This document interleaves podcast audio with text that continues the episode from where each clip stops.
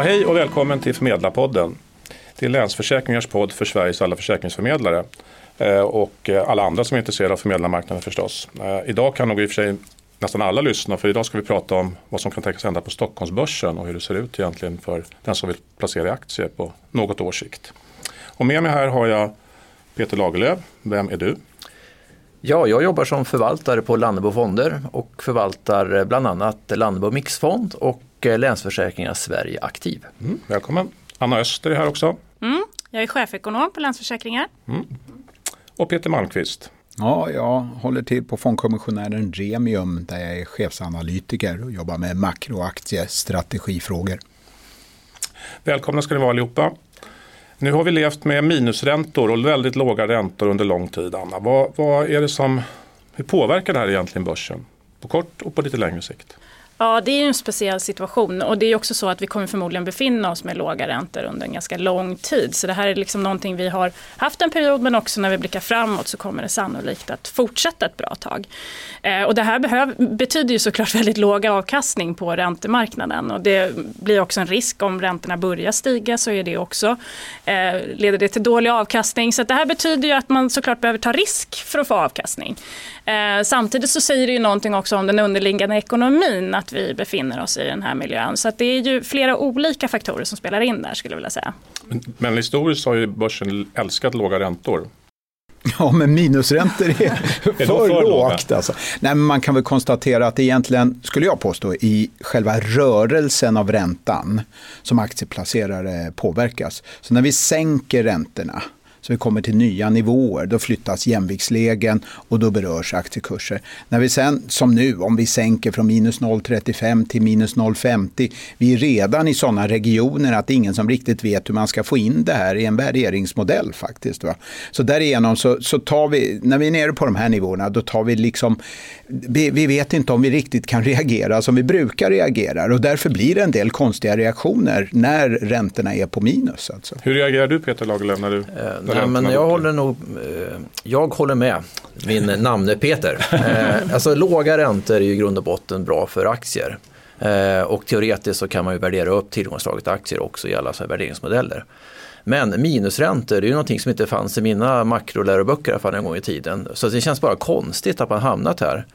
Och eh, hålla på att hetsa upp sig om man ska sänka räntan när man ligger under noll, det tror jag bara som skapar eh, osäkerhet i marknaden. Då. Men i grund och botten så är det klart att, att aktier ter sig rätt attraktiva i förhållande till exempelvis ränteplaceringar. Inte minst bolag då som har hög direktavkastning som man kan, då kan parkera pengarna i istället. Jag skulle vilja säga att just det här med låga räntor och att vi är på negativa nivåer. Som sagt, det är knappt så att man kan förstå det rent konceptuellt vad det betyder. Hur kan man få betalt för att låna? Det är ett helt nytt begrepp. Men framförallt betyder det också att vi oroar oss för varför är vi här? Hur illa ser det egentligen ut? Eftersom vi uppenbarligen, eller centralbankerna tycker att det finns ett behov av att sänka räntan till negativt. Fler och fler gör det. Det verkar inte helt uppenbart var gränsen går, även om det är en tydlig diskussion kring hur verkningsfullt det här verkligen är och om det har negativa effekter på vissa delsektorer på börsen skulle ju kunna ha det kämpigt på grund av negativa räntor. Men jag skulle framförallt vilja eh, liksom lyfta upp det här med osäkerheten. Att vi kan inte riktigt förstå vad det innebär och vi vet inte effekterna av det här heller. Och osäkerhet är ju aldrig bra. Peter Markvist. Jag skulle vilja att vi tittade på sista halvåret. Börsen har gått ner från toppen i början av sommaren ungefär som värst 23 procent. Alltså. Och det är i ett läge då vi har minusränta hela tiden och det är extremräntor i övriga Europa undantaget Storbritannien. Ändå rasar börsen. Då samtidigt man, ska man komma att tillväxten har ju varit hög. Ja, och det är det, men det, det är det jag ska komma in. När vi blir oroliga för tillväxtkomponenten i aktiekalkylen, kort sagt vinsterna, då rasar kurserna. Men när vi slutar och blir panikartat oroliga, då kommer räntan in i bilden och särskilt stora placerare då som faktiskt har minusränta på merparten av sitt räntebärande kapital blir stressade eller känner att nu är det dags att hänga på tåget. Och då får vi sådana här uppstudsar som vi fick här för tre veckor sedan då börsen går 10% på fyra dagar. Det är helt extremt. Går man tillbaka och tittar, det är ett 20-tal gånger som vi har haft den typen av uppgång, inklusive vändningslägen vid börskrascher och liknande.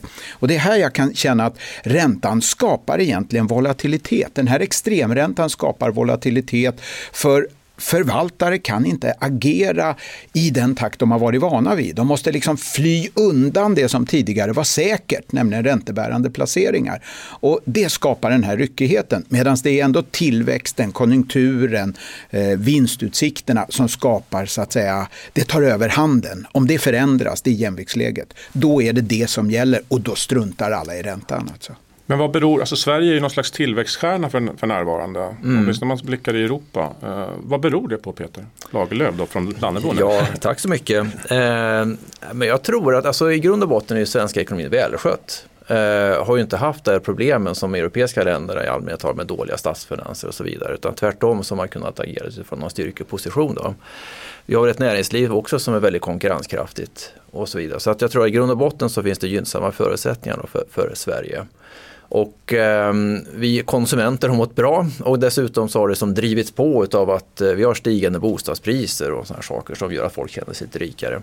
Så att alla delar av svenska ekonomin har gått ganska bra. Eh, och sen så har man då fått den här extra skjutsen på ett väldigt oväntat sätt. En, en centralbank då som är extremaggressiv i sin räntepolitik mm. och har den lägsta räntan av allihopa, Schweiz undantaget, vilket är väldigt konstigt när man samtidigt är bekymrad över att det finns en risker för bostadsbubbla och så vidare. Så att eh, det är kanske inte är så förvånande att den svenska ekonomin har utvecklats så här väl då. Men eh, det är ju ganska märkligt tror jag utifrån ett utanför perspektiv att det här landet Sverige som har en tillväxt på 4 ska ha den lägsta räntan i Europa. Vad säger du Anna om det? Kan det fortsätta att vi har en högre tillväxt och de lägsta räntorna? Nej, inte hur länge som helst. Men det är ju ändå så att vi blir ju återigen överraskade över hur låg inflationen är. Och att den här starka tillväxten som vi ser, att den uppenbarligen inte skapar inflation på det sätt som vi är vana vid om vi, om vi blickar bakåt.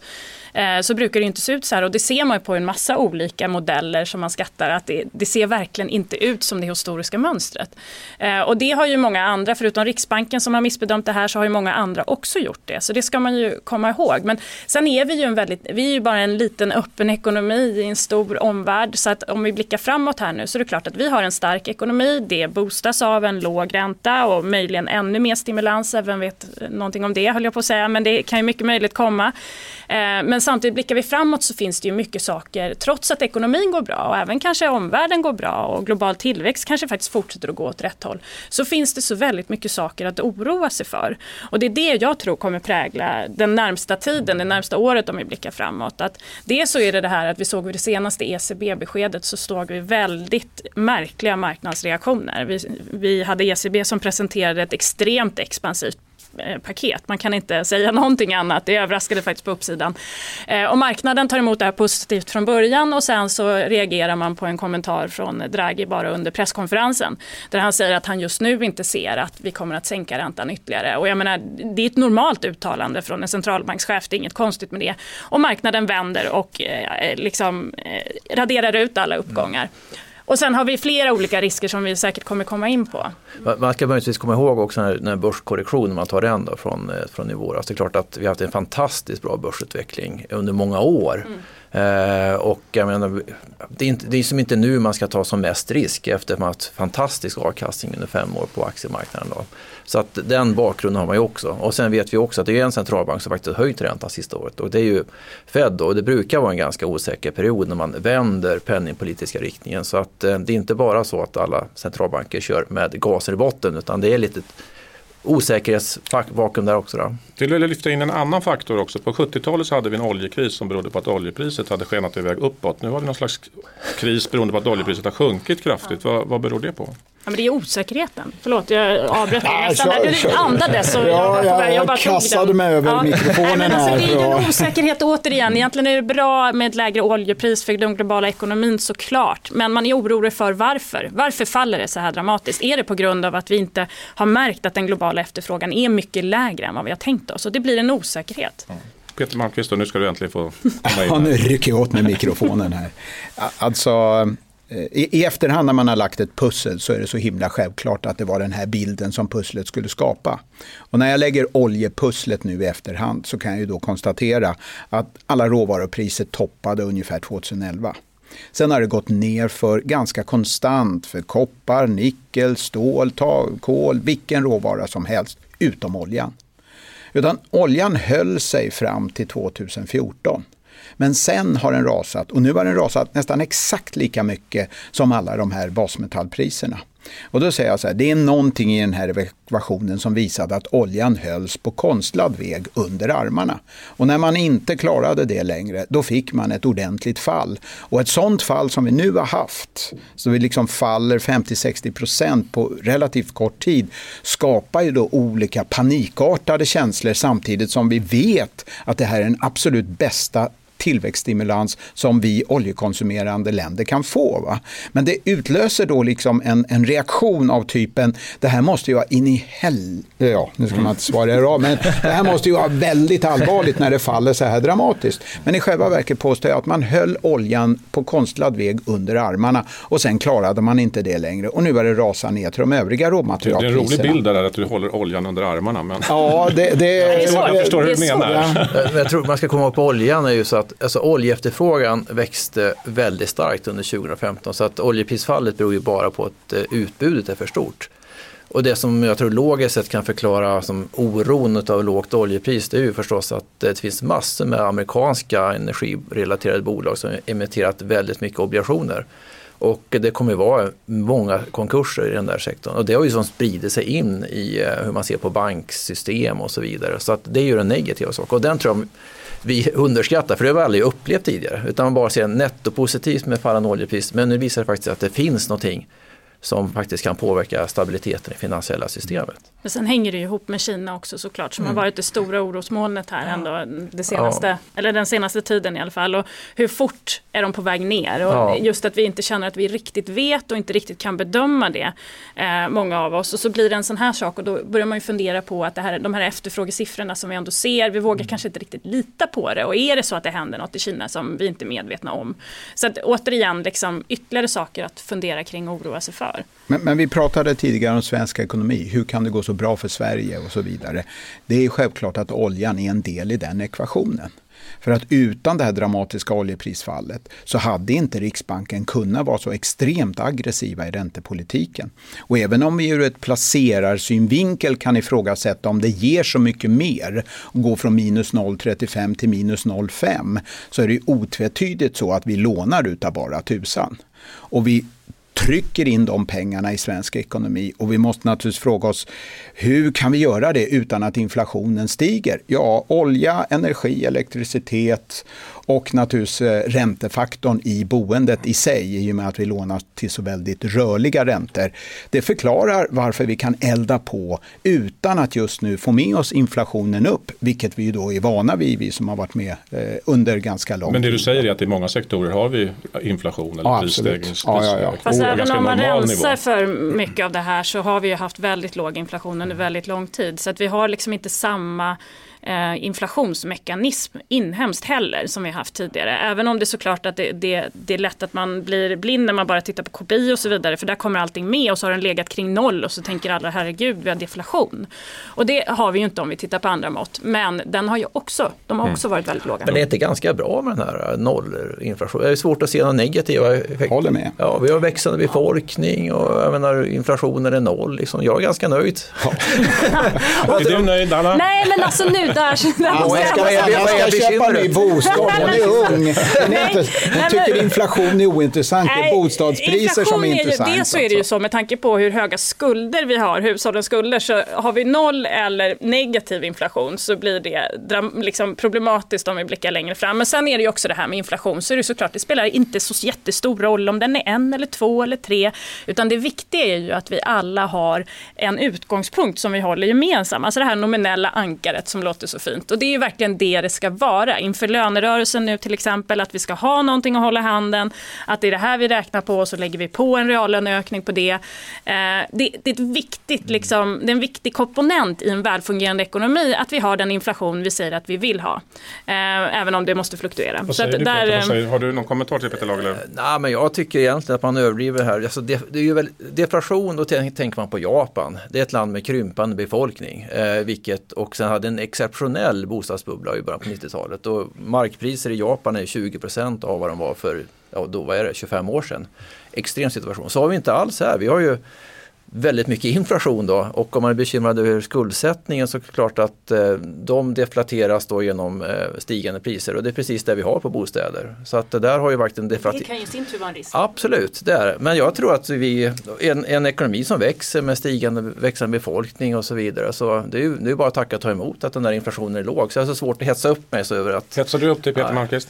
Nej, inte över nollinflation. Nej. Det är i min det är värld så är det... att ha olika åsikter. Ja, så det nej, men, eh, just i det här fallet. Men skjuter, du, skjuter du upp några konsumentbeslut för att inflationen är noll? För det är det man är rädd Nej, men, precis, men där är vi ju inte. Vi är inte i deflation utan vi är i nollinflation. Men, men i, i, grunden tycker jag det handlar om prisstabilitet. Ja. Alltså mina barn de är på jakt efter bostäder, hela högen. Och de ska växa, de ska flytta till större bostäder. De bryr sig inte om priset på mjölk de bryr sig bara om vad lägenheter och annat kostar i Stockholm och där är inflationen skyhög. Och alltså kom, min... de kommer inte in i siffrorna? Nej, då, då, alltså, den inflationen kommer den, inte in den kommer i Ytterst liten del kommer in i det här KPI som Riksbanken ska styra efter. Då. Och då kan man ju säga, jag i min tur, jag sitter i min gamla kåk va, med nedamorterade lån och så vidare. Jag bryr mig inte så mycket om ifall bostadspriserna stiger eller faller. Jag vet inte riktigt vad jag bryr mig om i den vägen. Men jag är möjligen då en person som så att säga rider på KPI-nollan då i det hela. Men vi har, två, vi har olika grupper i samhället som rider på de här prisbilderna. Och jag tycker att man måste vidga perspektivet och prata om prisstabilitet i vid bemärkelse.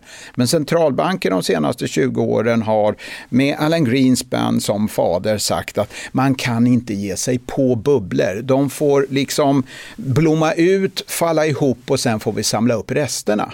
Och det var ju det vi försökte göra efter Lehman Brothers då och ingen begrep ju hur allvarligt det kunde bli. Så att jag tycker man måste vidga det här inflationsresonemanget till att handla om prisstabilitet och då får man på ett naturligt sätt också in tillgångspriser, framförallt då i bostäder, fastigheter i vid bemärkelse. Alltså. En annan typ av tillgångspriser det är då aktiekurserna kan man ju säga. Ja men de, de ska inte in i inflationen, de ska stiga hela tiden. Alltså. Om vi snävar in lite nu på Stockholmsbörsen, för nu har vi haft någon slags eh, mer generell ekonomisk diskussion. Vad är de viktigaste förutsättningarna för Stockholmsbörsen? Hur ser, hur ser förutsättningarna ut helt enkelt? Mm, jag brukar egentligen ta tre faktorer som driver börsen. Det första är eh, vinstutveckling och det, det har man ju som bakar man in i konjunkturen. Då. Och eh, enligt de senaste prognoserna så förväntas vinsterna på svenska bolag växa 2-3 procent. Det är ganska låga förväntningar. Det brukar vara en 10-15 så här års på, på den här tidpunkten på året. Då. Men 2-3 procent så det är ganska modesta. Så stigande vinster tror jag att det är som en lite lätt positiv faktor. Då. Sen har vi eh, räntan och den är ju extremlåg eh, och riktningen från de här nivåerna vet vi inte riktigt om men i grund och botten så tror jag en, en positiv faktor för värderingen. Då. Eh, och sen, har vi, sen har vi värderingen, jag tycker den är ganska neutral. Alltså P talet det är väl det vanligaste måttet man tittar på. Eh, och den ligger kring eh, 15 gånger den förväntade vinsten de kommande 12 månaderna vilket är väl något över snittet fast det är ingenting att hetsa upp sig över. Och sen har vi en direktavkastning som ligger kring 4 då. Så att om man bakar ihop där, ja lätt stigande vinster, vi har en låg ränta och vi har en värdering som kanske ligger normalt. Ja, jag kommer ändå till slutsatsen eh, att ja, det, det, är väl en som netto lite positiv för börsen. Då. Sen ska inte man ska förvänta sig några spektakulära avkastningar för vi har ändå den här extremt goda avkastningsperioden mm. bakom oss. Då, men lätt positivt eh, för börsen. Anna? Ja, men, eh, jag håller väl med dig där och sen får man ju ta det i ett perspektiv med jämföra med andra och där har vi en svag valuta också till exempel som vi också har en riksbank som säger att de ska försvara höll jag på att säga. Det är upp och nervända världen att man ska försvara en svag valuta men, men, eh, men det är det de säger att de kommer gå ut och stödsälja kronor om den stärks för snabbt och det hjälper ju också många bolag på börsen mm. som ju är eh, många stora bolag som handlar med omvärlden och det är också en stödjande faktor såklart om man relaterar till andra. Men jag tror ändå fortfarande att börsen generellt och det gäller ju då även Stockholmsbörsen, att den här skakigheten vi har sett, det tror jag det finns stor potential att det fortsätter, för det finns gott om saker i vår omvärld att oroa sig för. Eh, både vad det gäller då centralbankspolitiken och har, har vi nått vägs ände eller inte, det här kommer spekuleras om i olika omgångar och vad leder till ett bra eller mindre bra risksentiment. Men också olika politiska risker faktiskt som vi inte, behöver, inte kan liksom nedvärdera allt för mycket tycker jag, för det är väldigt mycket som rör sig nu, både i Europa med flyktingsituationen, vi har ett presidentval i USA, vi har oljepriset, vad pratade vi om tidigare, men det har ju också andra aspekter av att de oljeproducerande länderna eh, hamnar i knipa och börjar agera annorlunda och så vidare och det leder till stora flöden på marknaden. Så jag, jag, tror att det, det, det finns eh, det finns en potential men jag tror att det kommer vara skakigt. Skakigt men lite positivt ändå. mer positivt än negativt, kan vi säga så? Ja. Mm. Peter Malmqvist? Jag tror börsens utveckling de kommande 12 månaderna kommer styras nästan helt av vinsterna. Och tittar jag på vinstutvecklingen under fjärde kvartalet så är den inte alldeles lättolkad faktiskt. Du brukar en, fördjupa dig i vinstutvecklingen? Ja, jag brukar lägga ner ganska mycket tid på att verkligen förstå vad som händer eh, lite mer underliggande. Och tittar jag bara och summerar alltihopa så kan jag konstatera att vinsterna steg ungefär 10-11% fjärde kvartalet mot fjärde kvartalet ett år tidigare. En komplicerande faktor i det här det är faktiskt att de fyra storbankerna utgör nästan 30 procent av den samlade vinsten. För att de är väldigt stora index, inte minst då Nordea är väldigt stora index trots att man kanske skulle ifrågasätta om de ska vara så stora. Nu är det faktum. Och det är klart om bankerna börjar gå svagare för att de har svårt att tjäna pengar i den här extrema lågräntemiljön, då slår det på en väldigt stor del av Stockholmsbörsens vinster. Då måste Volvo, och SK SKF och Atlas och Skanska och Hennes och hela det andra gänget dra rätt ordentligt för att kompensera för det. Och just under fjärde kvartalet så lyckades det.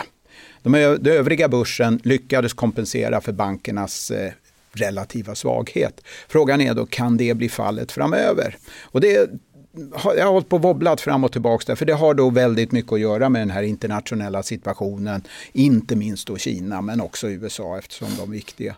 Men just nu så när jag summerar inte minst de europeiska tillväxtkurvorna så ser de allt bättre ut och det tycker jag är en dold potential för att när vi pratar och uttalar oss om eurozonen så är det hela tiden den sjuke patienten och det är inte sant. Det stämmer inte längre. Sen naturligtvis när de sänker eh, minusräntan ännu mer minus så tror ju alla att nu är ju verkligen patienten jättedålig. Helt fel. Alltså alla kurvor i de stora eurozonens länder stiger och stiger ganska ordentligt. Så jag har blivit mer och mer positiv till vinstutvecklingen och när jag hör min namne Peter Lagerlöf säga att prognoserna ligger på 2-3 procent, då blir jag riktigt entusiastisk för jag håller med. Normalt när vi inte riktigt vet, då säger vi 10. Faktiskt, Absolut. då brukar det bli 10. Ja, 10 alltså där med hela tiden. Om, vi, om, om vi summerar det till 2-3, då har verkligen analytiker tagit ställning. Och denna gång till ett ganska negativt scenario. Ja. Och det ska man lägga in i bilden av att de senaste tre åren så har analytikerna legat för högt i tre av fyra kvartalsomgångar. Eh, så då blir jag riktigt intresserad och, och känner möjligen att eh, kanske jag bör, för jag har en grundmurat negativ uppfattning, jag, finns, jag är orolig orolig för det mesta, nästan jämt. ja, det brukar det just, just nu eller senaste året. Så. Men, men helt plötsligt så, så när jag gör mitt pussel så faller då tillväxten och särskilt i Europa ut mer positivt. Om vi dessutom har låga förväntningar inbakat i kurserna, då kanske jag måste ändra uppfattning och bli lite mer entusiastisk till börsen. Du är två så... svagt positiva, men du låter lite mer än svagt positiv. Ja, jag... Du är överraskad över dig själv att Ja, faktiskt. Jag står och säger, vad gör nu munnen som inte hjärnan är med på här? Ja. Alltså. Men det, det jag är slav under kurvorna, jag är slav under trenderna. Jag är djupt orolig för Kina. Ganska orolig men inte jätteorolig för USA. Men väldigt helt plötsligt entusiastisk i eurozonen och därutöver går Storbritannien bra. Så jag undrar om vi inte kanske kan få, få hålla en vinstökningstakt på en 8-10 procent. Och då, eh, tusan, då blir nog det här bättre än vad jag trodde vid början av året som var plus minus noll. Faktiskt. Anna, har du någon kort kommentar innan vi börjar gå in på Nej, men Jag är nog lite, för att bara relatera till det du säger så är jag då kanske inte så djupt oroad för Kina. Alltså det är helt uppenbart att vi är på väg ner men jag tror att det, det kommer kunna hanteras. Jag är inte oroad för USA, jag är ganska positiv på Europa som du.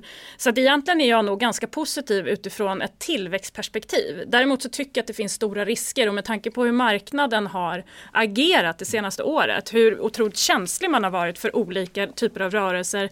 Saker som har hänt i USA där jag tycker att det har varit uppenbart att det har funnits tillfälliga förklaringar till varför siffrorna ser ut. tar man väldigt mycket höjd för. Tar in väldigt mycket i prissättningen på Fed. Man tror inte att de kommer kunna höja mer till exempel och det går väldigt fort. Och där tycker jag att där har marknaden visat på att man klarar inte av speciellt mycket överraskningar och med tanke på att vi är i en miljö där jag tror att det kommer bli mycket överraskningar så tror jag ändå att det kommer bli en väldigt skakig resa. Fast jag i grund och botten då är ganska positiv utifrån ett tillväxtperspektiv. Att jag tycker att det finns goda förutsättningar. Okej, om vi då ytterligare snävar in. Nu har vi pratat Stockholmsbörsen och nu ska vi prata delar eller till och med enskilda bolag.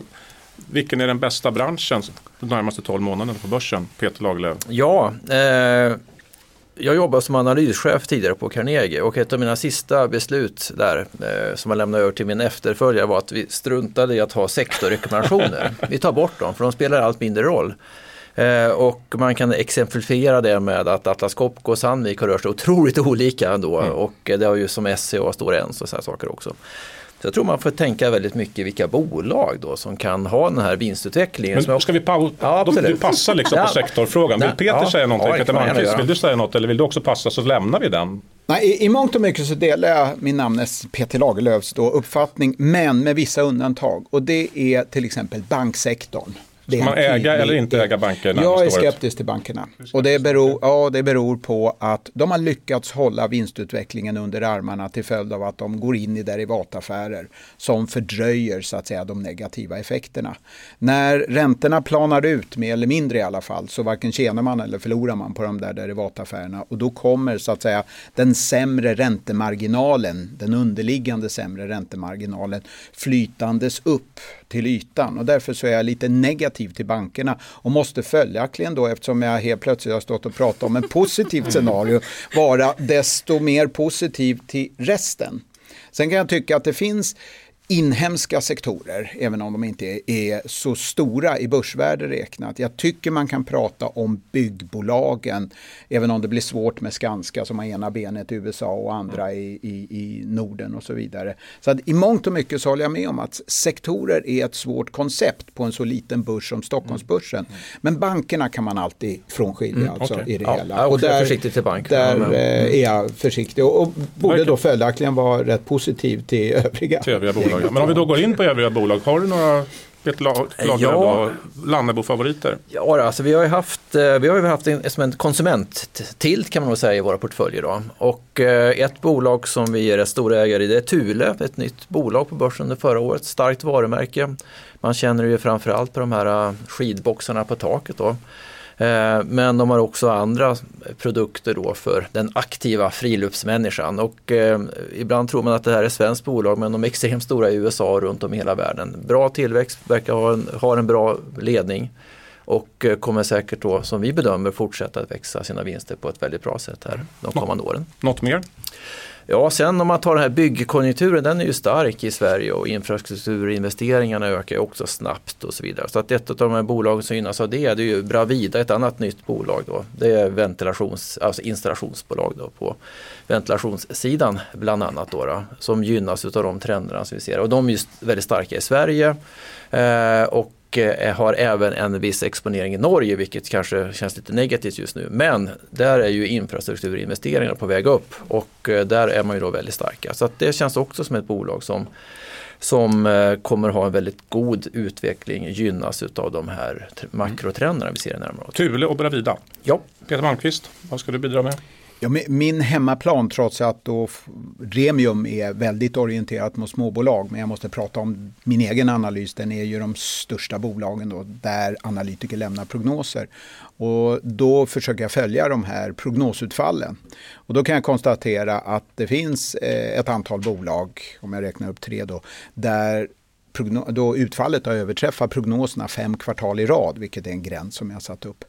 Och Electrolux är ett sådant bolag. Eh, Nordnet är ytterligare ett sådant och Gränges är ett tredje så att säga. Sen om det är bra placeringar och så vidare, det är... Ja, men det är det vi egentligen är intresserade av.